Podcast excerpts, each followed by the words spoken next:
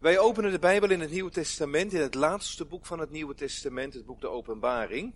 En ik lees Openbaring 12, vers 1 tot en met 12. Ik lees iets verder door dan vers 6. Ik lees tot en met vers 12. Openbaring 12, vers 1 tot en met 12.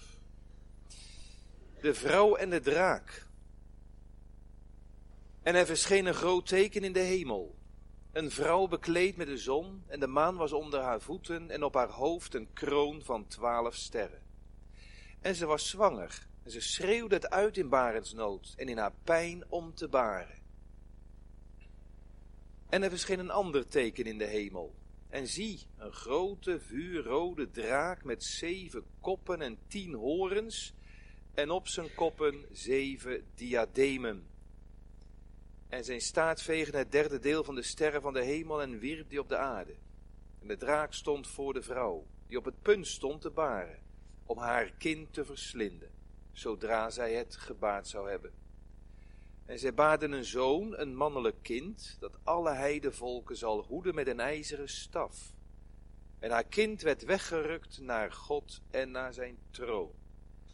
En de vrouw vluchtte naar de woestijn, waar zij een plaats had die door God voor haar gereed gemaakt was, opdat men haar daar zou voeden 1260 dagen. Nou wordt er een stukje beschreven over een strijd tussen Michael en de draak. Toen brak er oorlog uit in de hemel. Michael en zijn engelen voerden oorlog tegen de draak. Ook de draak en zijn engelen voerden oorlog. Maar ze waren niet sterk genoeg en hun plaats werd in de hemel niet meer gevonden. De grote draak werd neergeworpen, namelijk de oude slang, die duivel en Satan genoemd wordt, die de hele wereld misleidt. Hij werd neergeworpen op de aarde en zijn engelen werden met hem neergeworpen.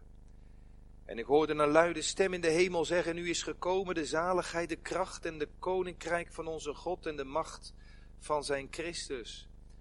Want de aanklager van onze broeders, die hen dag en nacht aanklaagde voor onze God, is neergeworpen. En ze hebben hem overwonnen door het bloed van het lam en door het woord van hun getuigenis. En ze hebben hun leven niet lief gehad tot in de dood. Daarom verblijdt u hemelen en u die daarin woont. Wee hun die de aarde en de zee bewonen. Want de duivel is naar beneden gekomen naar u toe in grote woede, omdat hij weet dat hij nog maar weinig tijd heeft. Tot zover de schriftlezing. Doopouders, familie van de doopouders, gemeenteleden. Ik zet boven de preek kerstfeest op Patmos. En dan zien wij drie gedachten in het gelezen gedeelte. Allereerst gaan we net op de vrouw die verwacht. Er staat in vers 2, de vrouw was zwanger. Ten tweede de draak die verslindt. Er wordt in vers 4 gesproken over een vuurrode draak. Die stond op het punt om het kind te verslinden dat de vrouw zou baren. En ten derde het kind dat verwint, dat overwint, vers 5. En zijn baarde een zoon, een mannelijk kind, dat alle heidevolken zal hoeden met een ijzeren staf. Kerstfeest op Patmos. De vrouw verwacht, de draak verslindt en het kind overwint. Laat ik eens beginnen met een vraag aan de kinderen, de kleinste kinderen die in de kerk zijn. Als je nou s'avonds naar bed gaat, wat voor gebedje zeggen jullie dan op? Wat bid je dan? Nou, ik denk dat er best wel wat kinderen zijn die bidden samen met papa, met mama. Ik ga slapen, ik ben moe. Sluit mijn beide oogjes toe. Prachtig mooi lied van dominee Jan de Liefde vroeger. Misschien zijn er ook wel kinderen die dat andere avondgebedje kennen. Ik sluit mijn oogjes en ik vouw mijn handjes en ik buig mijn knietjes voor u neer. Trouwe Vader in de hemel, zie op mij in liefde neer. Leer mij vroeg uw kind te worden. Neem mij aan, schoon jong en klein, en laat mij van die grote kudde toch een heel klein schaapje zijn. Wat gaan jullie ze leren? Er is ook een Rooms kindergebedje. Weet je hoe dat gaat? Dat gaat zo.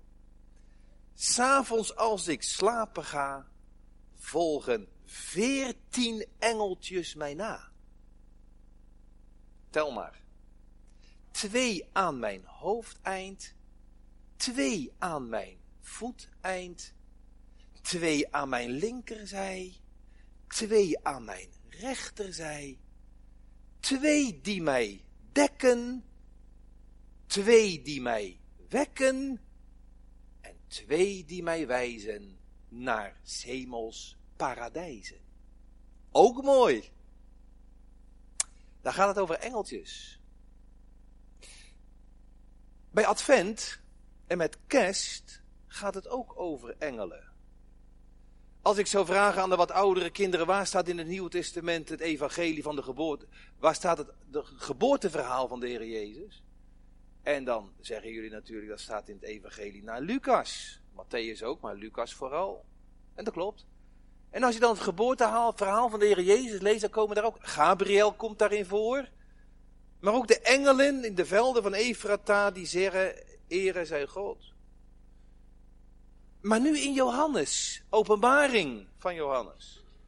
En nu komen er hier ook engelen voor. Je verwacht het niet dan in een boek als openbaring het over kerstfeest gaat. En toch is het zo in openbaring 12.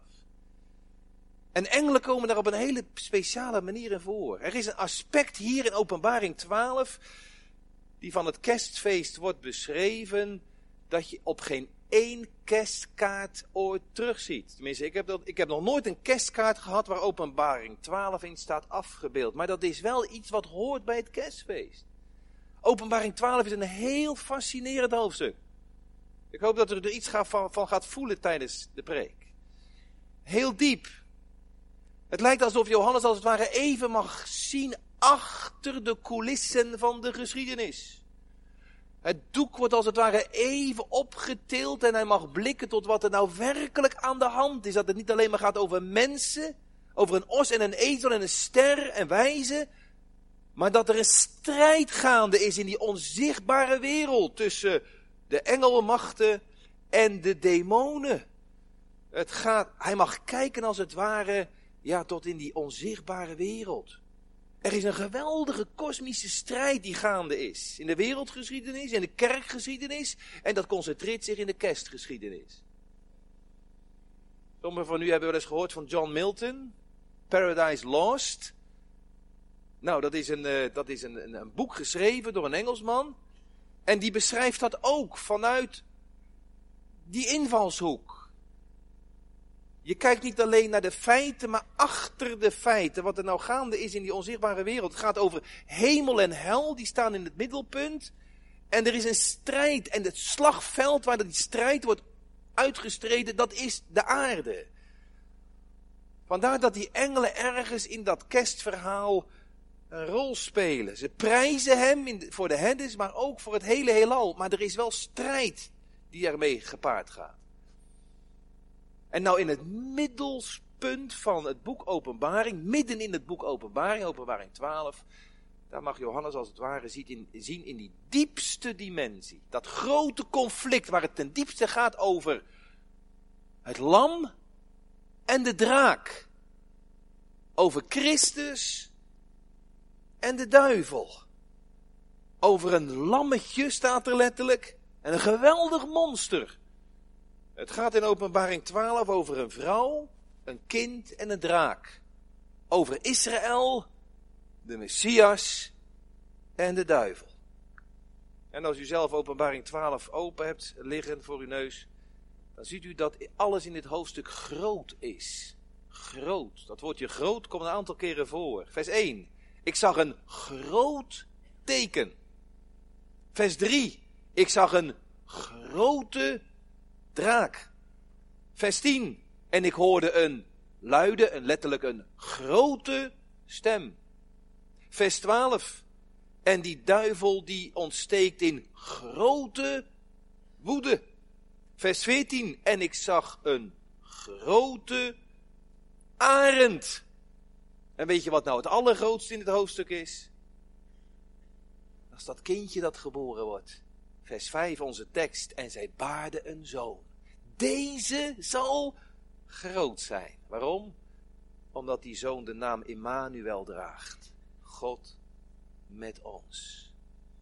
Nou, de eerste gedachte. Laten we eens even inzoomen op die vrouw, vers 1 en vers 2. En dan ziet u dat die vrouw in vers 1 heel mooi wordt beschreven, van de hemelse kant. En in vers 2 is ze in moeite, de aardse kant.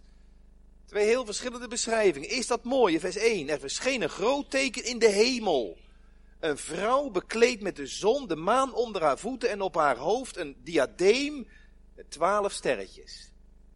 Wie kan er goed tekenen? Welk kindje, welk meisje of jongetje kan goed tekenen? Nou, dan geef ik jou een opdracht. Dan moet je eens proberen, vers 1, die vrouw te tekenen vandaag. Maak er eens een mooie tekening van. In de lucht, een vrouw met twaalf sterren en de zon als een kleed en de maan onder haar voeten. Kan je vast. Wie is die vrouw? U mag zeggen. Wat denkt u? De Rooms-Katholieken die zeggen die vrouw is Maria. Dan ben ik het niet mee eens. Heel veel reformatorische dominees die zeggen die vrouw is de kerk. Daar ben ik het ook niet mee eens. Wie is die vrouw dan wel? Die vrouw is Israël. De moeder van de Messias. Hier gaat het over het volk Israël. Zij brengt de Heer Jezus voor. Uit Israël is naar het vlees de Christus gekomen, zegt Paulus in Romeinen 9. We zien ook dat deze vrouw in de tweede helft van dit hoofdstuk vlucht de woestijn in. De eindtijd wordt daarin beschreven. Nou zie je aan de ene kant hoe God naar haar kijkt. Vers 1. Die hemelse kant. God ziet die vrouw als een prachtige vrouw. Hij ziet geen ongerechtigheid in zijn Jacob en geen zonde in Israël. Bekleed met de zon, dat wil zeggen schitterend, glanzend, schoon, stralend, wit. Bekleed met de zon, de zon der gerechtigheid. God is een zon en een schild voor zijn, de vrouw van God, zo wordt Israël in het Oude Testament heel vaak genoemd. En de maan onder haar voeten, dat wil zeggen, de maan heeft te maken met de nacht en het donker, dat is voorbij. Onder haar voeten. En die sterren, dat doet denken aan de droom van Jozef, die twaalf sterren. De twaalf stammen van Israël, van Jacob. Hier gaat het over hoe God kijkt naar zijn Israël. Ja, sterren. Geen gele sterren, zoals in de Tweede Wereldoorlog, maar prachtige hemelsterren in glans en glorie. En dan vers 2. Dan zie je een heel andere kant, de aardse kant. Deze vrouw is zwanger. Oh, dat moet je er ook nog bij tekenen, jongens. Meiden, als je het gaat tekenen. Die vrouw die aan de hemel verschijnt met die prachtige zon, maan en sterren, die heeft een dikke buik. Nou, het is voor jullie twee de eerste, maar voor jullie de tweede. De kleine drieste tweede. Nou, ik ben toch benieuwd hoe de kleine Bram gereageerd heeft toen mama's buik dikker werd. Daar zit een babytje in. Dat wordt jouw broertje of zusje. Ja. Een vrouw in verwachting. Negen maanden. Wat heeft dat te maken met Israël? Wat heeft het te maken met het Oude Testament? Het is natuurlijk hier beeldentaal, dat snapt u, hè? Openbaring is beeldentaal. Nou, dat heeft te maken met, uh, eigenlijk is het hele Oude Testament is zwanger van de belofte van de Messias die geboren zou worden. En dat begon al in het paradijs, dat begon al in Eden. In Genesis 3, toen de Heer de moederbelofte gaf. Het zaad van de vrouw zal de kop van de slang vermozzelen. En die slang hoorde dat. De duivel wist dat, dat dat ooit eens zou gaan gebeuren. Dat er uit dat mensengeslacht eentje zal komen die hem voor goed zou uitschakelen. Het Oude Testament is het boek van de Christus verwachting. De verwachte, de vertroosting van Israël, de Messias zou komen. Die zou een mens zijn, die zou een Jood zijn uit het zaad van Abraham. Die zou uit het koninklijke stam van Juda zijn, uit het koninklijke geslacht van David zijn. Steeds scherper wordt als het ware die verwachting in de loop van het Oude Testament zichtbaar. Die zou geboren worden in Bethlehem. Niet negen maanden, maar 4000 jaar heeft dat geduurd. De vrouw verwacht. Het Oude Testament, de blijde verwachting, maar ook de zucht. Och, dat gij de hemel het scheurde en zou neerkomen. Heren, van mij mag u nu komen. Want het wordt op aarde zo bang. En dan staat er in vers 2, die vrouw was zwanger en dan komt het moment, dan moet ze baren. Dan moet ze baren. En ze schreeuwde het uit in barensnood en in haar pijn om te baren. Nou, we gaan altijd op kraambezoek en dan houden we het altijd gezellig. Ik hoef de details niet te weten. Maar elke moeder die zal er toch wel een klein beetje kunnen meevoelen wat dat betekent. Als er dan echt die persweeën gaan komen en het moment dat het gaat staan in de geboorte. Als man sta je erbij en je kijkt ernaar, maar hoe? Nou, dat punt is nu aangebroken. Een kritiek moment. Het is positief en negatief. Aan de ene kant is het heel fijn, want het is geen stervenspijn. Nee, het is toekomstperspectief. Er komt een kind aan. En als het nou voorbij is, dan is het wiegje vol, gevuld. En dan hebben we er een kindje bij. Het is rijk, het maakt rijk, maar het doet ook zeer. Het, het, het is pijnvol. Zo is eigenlijk in het geloof ook. Het geloof maakt zo rijk. En er zit ook een pijnlijke kant aan. Als je bij God hoort. Eigenlijk is het een heel indrukwekkend tafereel. Weet je wat hij ziet?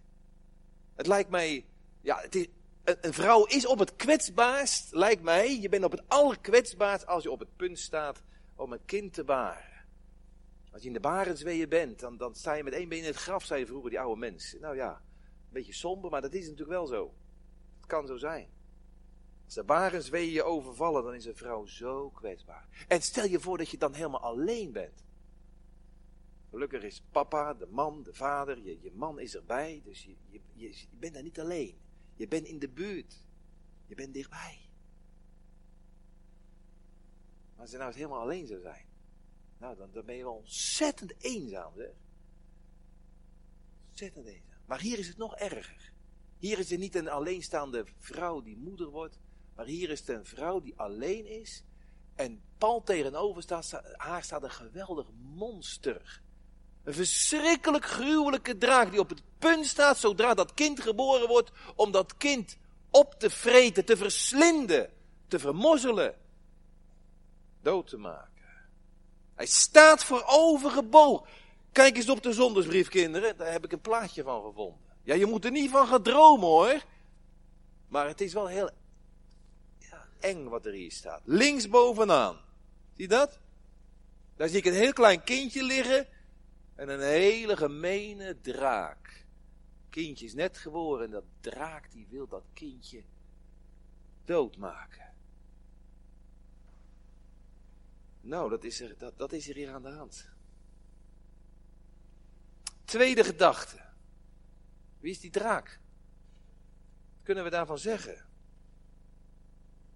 Nou gemeente, wat mij opvalt in het boek De Openbaring, of wat me opvalt bij de doop, daar moet ik mee beginnen. De doop die vindt plaats, dadelijk plaats. En die, bij de doop dan worden je kinderen gedoopt in de naam van de Vader, de Zoon en de Heilige Geest. Dat is de heilige drie-eenheid. Die naam die zal op hun voorhoofd zijn. En die wordt nooit meer uitgewist. Maar hier in openbaring 12 en 13 wordt gesproken over een onheilige drie-eenheid een drie-eenheid, drie monsters. Een drie-eenheid in het kwaad. In openbaring 12 wordt gesproken over de draak, dat is de eerste persoon. En in openbaring 13 wordt gesproken over het beest dat uit de zee opkomt, dat is de tweede persoon. En dan wordt er ook in openbaring 13 gesproken over het beest dat uit de aarde opkomt. Het draak, het beest uit de zee en het beest uit de aarde. Een onheilige drie-eenheid. 666. getalswaarde van de Heer Jezus is 888. 666, dat is de onheilige drie-eenheid. Het beest uit de zee. In de toekomst zal er uit de volkerenzee een beest, een, een wereldmacht komen, een westerse wereldmacht, denk ik. Weet u nog, eh, een paar jaar geleden, die preek uit het boek, open, uit het boek Daniel. Een westerse wereldmacht. Een hersteld Romeinse Rijk. En het hoofd van die westerse eindtijdelijke wereldmacht, dat is het beest. Een koning, een, een, een wereldleider, een politiek wereldleider, een valse koning. Die tegenovergestelde zal zijn van God de Vader. Dan wordt er gesproken over een beest uit de aarde. Dat is een valse Christus, een valse profeet, een geestelijk leider. Die staat tegenover de Heer Jezus en in plaats van de Heer Jezus. Een enorme invloed zal die uitoefenen, dat beest uit de aarde, die valse profeet, die horens heeft als een lam, het lijkt de Heer Jezus wel. Maar hij sprak als de draak. Als je hem ziet, dan denk je het lijkt een Christus, maar het is een valse Christus. En als je hem hoort, dan denk je, oh, zijn woorden, zijn stem, dat is uit de afgrond. Een valse profeet, een valse koning en hier die draak. Dat is het tegenovergestelde van de Heilige Geest. Een onheilige geest, dat is de duivel zelf. Die dat beest uit de aarde en dat beest uit de zee inspireert, bezielt. Naast, tegen, in plaats van de ware drie En daarom is het zo'n mooi moment, een heft, een heilig moment. Ook voor, voor ons als gemeente, voor jullie als ouders, dus als familie. Maar al zouden we op dit moment een blik krijgen in die onzichtbare wereld. Daar houden we ons niet zo mee bezig, hè? maar de, de Bijbel zegt er best veel over. Dan is dit een ontzaglijk moment, want je draagt jouw kind openlijk op koning der koningen, de heer der heer, aan de heilige drie-eenheid. En de duivel heeft het nakijken. En die, die is daar niet blij mee met deze doopdag van jullie kinderen. Integendeel. Nou, kerstfeest is beloofd, die vrouw in verwachting, maar kerstfeest wordt nu bedreigd. Want dat kind wat gebaard gaat worden, dat moet dood. Wie is die draak? In vers 9 staat die draak, dat is de oude slang, de duivel, de Satan, die de hele wereld misleidt en die de aanklager van onze broeders is dag en nacht. De Satan. Nee, dat deze draak is geen sprookje uit een sprookjesboek. Dat is geen draakje uit een speelgoedswinkel. Dit is de oervijand van God en van zijn volk. Hij wordt beschreven als een vuurrode draak, bloeddorstig, wreed. Het bloed van de heiligen, het bloed van, van Christus, dat wil hij drinken alle eeuwen van de kerkgeschiedenis en van de wereldgeschiedenis door. Hij wordt beschreven als zeven koppen. Zo intelligent, zo sluw, zo gemeen, zo slim. Zeven koppen. Hij wordt beschreven als tien horens. is geweldig machtig. Horen van macht. En zeven diademen. Hij heeft gezag, heel veel onderdanen. Er staat, hij neemt een derde van de sterren van de hemel, neemt hij mee en werpt ze op de aarde. Verklaarders hebben daar wel eens ingezien dat toen, toen, toen die geschapen engel, toen die in hoogmoed tegen God opstond, toen die zondeval in de hemel plaatsvond, toen die geschapen engel een duivel werd, dat hij een derde van de engelenwereld meenam. Een derde van de totale engelen, gevallen engelen. Heel veel. Maar toch de meerderheid bleven goede engelen. Dat ook. En als er hier staat, gemeente, dat uh, die draak zeven diademen heeft. In openbaring 19 staat dat de Heer Jezus vele kronen, vele diademen heeft. Met andere woorden, hij is machtiger, krachtiger. De Heer Jezus, in wiens naam jullie kind gedoopt wordt. Hij is machtiger, krachtiger dan de tegenstander. Draak. Ik denk dat Johannes geweldig geschrokken is. Hij zag eerst zo'n prachtige, mooie, hemelse hemelkoningin. Eerste teken. En toen die draak, hij al geschrokken zijn op zijn oude dag. Oh, wat is dit? Wat verschrikkelijk dat die twee gaan botsen. Draak. Als ik hier eh, door Rotterdam heen loop, dan zie ik nog wel eens mensen met, uh, heel veel mensen trouwens, met tatoeages. Nou, dat is een onderwerp apart. Maar je ziet ook nog wel eens een tatoeage van een draak. En daar voel ik me altijd een beetje onbehagelijk bij. Dan moet ik altijd denken aan het verhaal dat ik ooit eens gelezen heb van Dirk Prins. Een grote bijbelleraar in de evangelische kringen. En uh, die vertelt het volgende. Uh, hij had een opa. En die opa die had uh, jarenlang gediend in China. In het leger of iets dergelijks. En uh, nou, die kwam terug en die gaf aan zijn kleinzoon, Dirk Prins dus, gaf hij een prachtig schilderij. Een schilderij, daar, stond, uh, daar stonden vier geschilderde draken op. China draken. En uh, nou ja, die bijbelleraar Prins zegt, nou, erg mooi. Ik, ik hang het op in de huiskamer. Draak met vijf klauwen. Keizerlijke draak is dat. Purper en scharlaken kleur. Hij had het opgehangen in de huiskamer en, en, en vanaf dat moment gebeurde er iets merkwaardigs. Hij voelde in zijn geestelijke bediening als bijbelleraar dat hij werd tegengewerkt. En dat er dingen misgingen.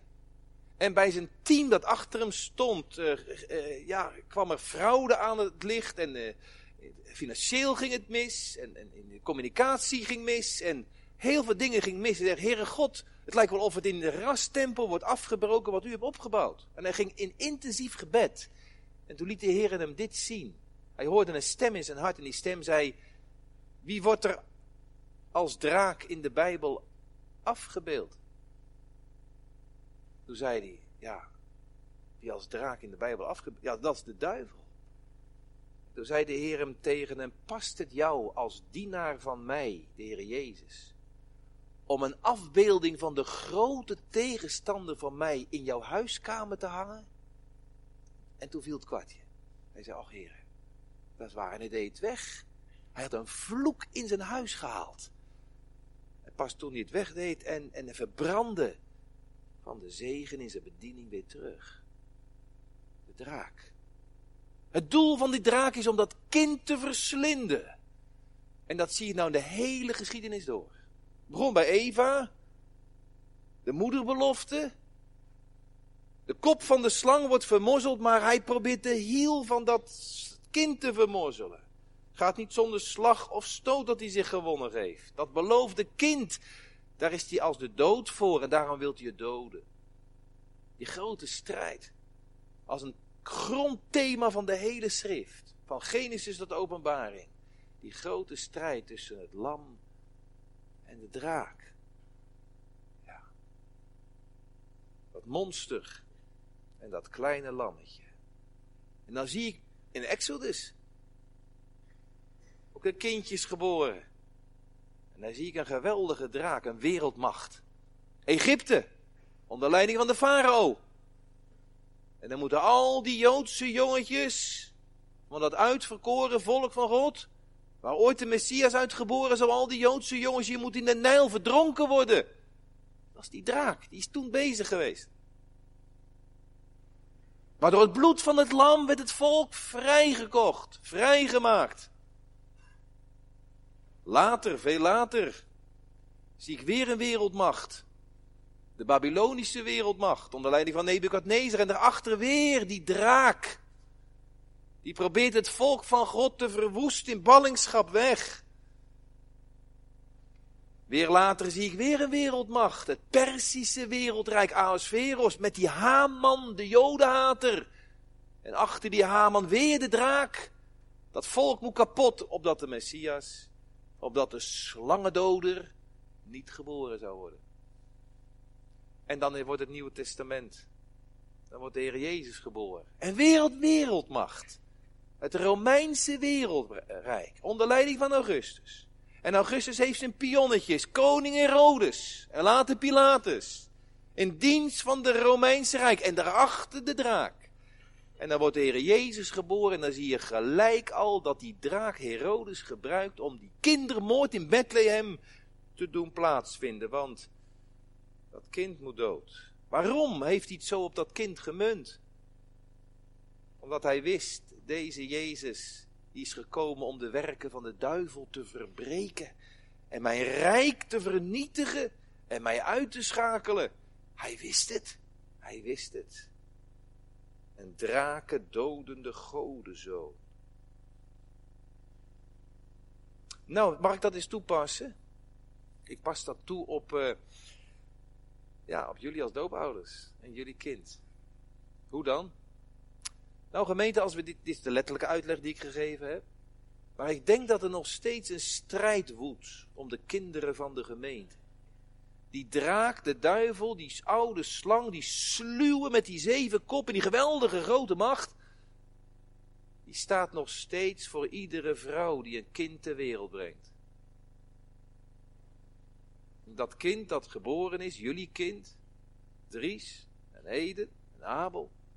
Dat is een kind in liefde ontvangen en geboren, ook in zonde ontvangen en geboren. En dan zegt die duivel, dat kind, dat wil ik hebben. Dat wil ik hebben. En dan zou ik er alles aan doen met mijn intelligentie en alles aan doen om mijn macht, om jullie kinderen, om die, om, om die te krijgen ook. Er wordt om jullie, de zielen van jullie kinderen en de kinderen van mij en de kinderen van de gemeente gestreden. Ook in die onzichtbare wereld. De heiland, de Heer Jezus, strijdt om je kinderen te behouden, om die zielen van jullie kinderen te behouden. Om zich te ontfermen over de kinderen van onze gemeente. Laat die kinderen tot me komen. Breng ze bij mij, vaders en moeders. Breng ze bij mij. Verhindert ze niet. hij ontfermt zich. Hij steekt zijn handen uit om ze te ontfermen. En om ze op zijn schoot te zetten, om ze te zegen. Maar die draak is er ook. En die is bezig om te zeggen, nee, ze behoren mij toe. En daar zal ik nou alle geweld en alle list voor verzinnen. Om ze bij Jezus vandaan te houden, om ze van Jezus vandaan te rukken. Daar is hij heel sluw in. Daar gebruikt hij, uh, ja, daar gebruikt hij alles voor. Daar gebruikt hij uh, seks voor, de onreine geest. Daar gebruikt hij films voor. Daar gebruikt hij muziek voor, festivals, uitgaansleven, games, alles en nog wat. Om je maar niet te doen bezighouden met de Heer Jezus. Opdat Jezus maar geen gestalte in een hart krijgt. Weet je, dat is ook zo in, in het geestelijk leven.